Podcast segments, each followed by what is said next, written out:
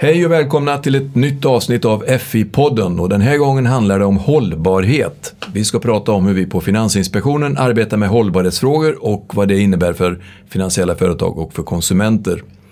Jag heter Peter Svensson och är pressekreterare på FI och på plats här i studion är också två medarbetare som båda ingår i FIs arbetsgrupp för hållbarhetsfrågor. Det är Susanna. Hej. Och det är Therese. Hej. Ja, vad jobbar ni med? Vad gör ni? Ni får, eh, ni får presentera er. Ja, Therese Rosén heter jag. Jag jobbar på området bank som senior riskexpert. Jag jobbar framförallt med kreditriskfrågor men också då med hållbarhetsfrågor i Sannas arbetsgrupp. Ja, Susanna Seiton Eckehall. Eh, jag är rådgivare på staben ekonomisk analys och eh, sen årsskiftet så samordnar jag FIs hållbarhetsarbete. Ja, om vi då börjar med att eh, bena upp själva begreppet hållbarhet. Vad är hållbarhet när vi pratar om det här? Ja, hållbarhet är ju ett ganska mångfacetterat eh, ord med många dimensioner. Men man brukar prata om någonting som kallas för ESG och det står för Environmental, Social and Governance. Och E det står för miljöpåverkan på mark, luft, vatten, begränsade naturresurser. Medan S står för socialt ansvarstagande, det vill säga arbetsförhållanden. Och slutligen governance, det handlar om bolagsstyrning och hur företagen arbetar för att eh, minimera eller undvika korruption. Ja och ur ett eh, ekonomiskt perspektiv så kan man säga att eh, en, en hållbar verksamhet är en verksamhet som är samhällsekonomiskt lönsam i ett långsiktigt perspektiv. Mm. Susanna, du sa, du sa att du samordnar en hållbarhetsgrupp mm. på FI. Vad är, vad är det för en grupp? Eh, ja, vi kan säga att eh, FI har ju jobbat med hållbarhetsfrågor sedan 2015 eh, och nu har vi intensifierat arbetet och skapat en mer permanent struktur för det. Och den här arbetsgruppen arbetar som sagt med hållbarhetsfrågorna och det är den gruppen som, som har till uppgift dels att genomföra de specifika hållbarhetsrelaterade uppdragen och aktiviteterna som framgår av vår verksamhetsplan och av vårt regleringsbrev. Eh, och det här gör vi naturligtvis i samråd och i samarbete med, med övriga organisationen. Eh, och en central del av det arbetet är eh, att integrera hållbarhetsfrågorna i den löpande tillsynen av de finansiella företagen. Eh, vi håller också i kommunikationen kring hållbarhetsfrågor med externa intressenter, eh, branschen, andra myndigheter både nationellt och internationellt och Finansdepartementet. Och sen ansvarar vi också för att eh, följa och delta i det internationella arbetet som pågår på området. Varför är det så viktigt att eh, jobba med de här frågorna? Varför gör vi det? Det är ju viktigt ur flera perspektiv. Eh, dels så finns det ju ett konsumentperspektiv. Det är ju viktigt att kunderna, konsumenterna, får rätt information. Sen ur institutsperspektiv så är det ju viktigt att de har kontroll på och kan hantera alla sina risker. Eh, så för den finansiella stabiliteten eh, och hur det ser ut i instituten är det jätteviktigt att de tittar på de här frågorna. Och då vill ju vi ha koll på att de gör det. Vad är det då ni tittar på hos företagen när det gäller hållbarhet? Ja, jag kan, exempel. Ja, från område bank eh, så kan man ju till exempel eller både alla större institut så behöver man titta på deras portföljer. Hur ser det ut? Vad har de för tillgångar i sina portföljer? Finns det risk att värdet i portföljerna påverkar dem så mycket att de får problem? Det är ju en viktig fråga eh, som vi tittar på. Eh, man kan också titta på andra risker som de kan utsättas för som ur ett operativt perspektiv. Vad händer om eh, det blir översvämningar där de har sina servrar till exempel? Man kan väl säga att, eh, att just ehm, det, det, det man behöver göra på det här området, företagen behöver ju, eh, ska man säga, eh, översätta hållbarhetsaspekter till de risker som, som finns inom finansiell verksamhet. Alltså till, till exempel som Therese säger, hur påverkar hållbarhetsrelaterade eh, aspekter och, och utvecklingen på området eh, kreditriskerna i i portföljen. Hur påverkas då försäkringsriskerna? Och den, så det, det, handlar om att just identifiera hur det påverkar den här typen av finansiella risker. Som, hur, jobbar, hur jobbar företagen med de här frågorna? Ja, vi får ju verkligen ge dem eh, beröm för att de är jätteduktiga och har kommit väldigt långt många gånger. Eh, de presenterar ju, tydliggör ju många gånger i rapporter hur de jobbar med de här frågorna. Eh, andra har integrerat de här frågorna i sina processer för riskbedömning. Eh, och de har specifika policies för hur de jobbar med frågorna. Så att de är väl på, mycket duktiga skulle jag vilja säga. Ja, det är absolut så att det finns ett, ett aktivt arbete i branschen eh, och en aktiv dialog inom just när det rör hållbarhetsfrågor. Eh, och vi ser, som Therese säger, ett stort engagemang och, och ett momentum och en vilja att faktiskt eh, ta sig an och hantera de här frågorna. Då finns det alltså ingen särskild hållbarhetstillsyn utan det här arbetet ingår i den löpande vanliga tillsynen? Det är ju precis som med all annan tillsyn så ska, som, som jag nämnde tidigare så ska vi ju eh, integrera det här i, en, i den löpande tillsynen och sen så kan vi göra riktade insatser. Eh, någon specifik kartläggning eller undersökning och det är också så vi har jobbat de senaste åren eh, med de här frågorna. Mm. Och, och hållbarheter, om man pratar hållbarhet som en risk så är ju det en risk som alla andra risker som vi ska eh, se på i den löpande tillsynen. Vi pratar om kartläggningar som, som har gjorts. Kan ni berätta mer om vad, vad FI har eh, gjort för konkreta saker på hållbarhetsområdet? Vi har ju genomfört ett antal aktiviteter de senaste åren. Ehm, kan ge några exempel. Eh, vi har eh, under 2016 så eh, gjorde vi en, en kartläggning för att titta på just hur företagen arbetar med hållbarhet. Vi har tittat på hur ehm, ehm, den informationen som, som fondförvaltare lämnar angående hållbarhetsaspekter i fonder tittat på hur den, om det gör det möjligt för konsumenten att utifrån den informationen göra medvetna val utifrån då hållbarhetspreferenser. Eh, ja, på bankområdet eh, överlämnar jag till Therese. Ja, för några år sedan så gjorde vi en kartläggning av hur bankerna beaktar hållbarhetsfrågor vid kreditgivning till företag och publicerade en rapport om det också. Vad kom ni fram till då? Ja, det resulterade i att åtta banker eh, under eh, Bankföreningens paraply publicerade en tvåsiders eh, uppställning om hur de hanterar hållbarhetsfrågor i sin kreditgivning till företag. Eh, på ett gemensamt format. Så att man kan lägga instituten bredvid varandra och jämföra. Vilket var en väldigt bra start på det här eh, arbetet. Eh, och en, en, en annan viktig, ett annat viktigt arbete som vi har genomfört tidigare eh, är att vi eh, har tittat just på och arbetat fram en syn på hur finansiell reglering och tillsyn kan bidra till en hållbar utveckling. Och, och det var, den viktiga slutsatsen var just att det här är inget det här är inget särskilt uppdrag utan det här ryms inom våra befintliga uppdrag om konsumentskydd, om stabilitet och välfungerande marknader. Vi ska säkerställa att företagen hanterar riskerna, vi ska säkerställa att konsumenterna får den information de behöver för att kunna göra medvetna val. Och vi ska säkerställa att marknaderna fungerar effektivt och det, på så sätt kan eh, finanssektorn på bästa sätt bidra till en hållbar utveckling.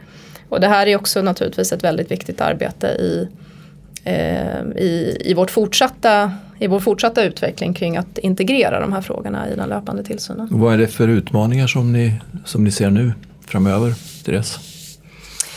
Ja, eh, det är ju bland annat eh, att identifiera vad är hållbart. Det är ju en eh, utmaning. I det internationella arbetet är det en jätteviktig fråga.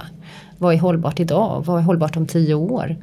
Ehm, och en annan fråga är hur långt perspektiv tittar man på? Det är en jättestor utmaning att bedöma risker långt framåt i tiden. Ja, det här är ju komplexa frågor och förhållanden eh, och som Therese säger det är en tidshorisont som man inte riktigt är van vid att arbeta med. Eh, och sen finns det ju behov av information och data och att utveckla informationen och att utveckla sätt och metoder att ta sig an informationen och, och, och göra analyser eh, med hjälp av, av det. Vad händer om man då inte tillräckligt beaktar hållbarhetsfrågan? Alltså hur kan ett, eh, hur kan ett finansiellt, enskilt finansiellt företag påverkas av det? Vad, vad kan hända? Ja, en, en eh, viktig frågeställning är ju till exempel energisektorn där vi har en eh, transition nu bort ifrån fossila eh, bränslen. Det innebär att man måste hänga med i teknikutvecklingen och välja rätt väg framåt. De, som, de företag som inte gör det riskerar ju att få försämrad lönsamhet och kan innebära en kreditrisk för till exempel bankerna som har lånat ut pengar till dem. Eh, så det är viktigt att man där har kontroll på eh, hur portföljerna ser ut.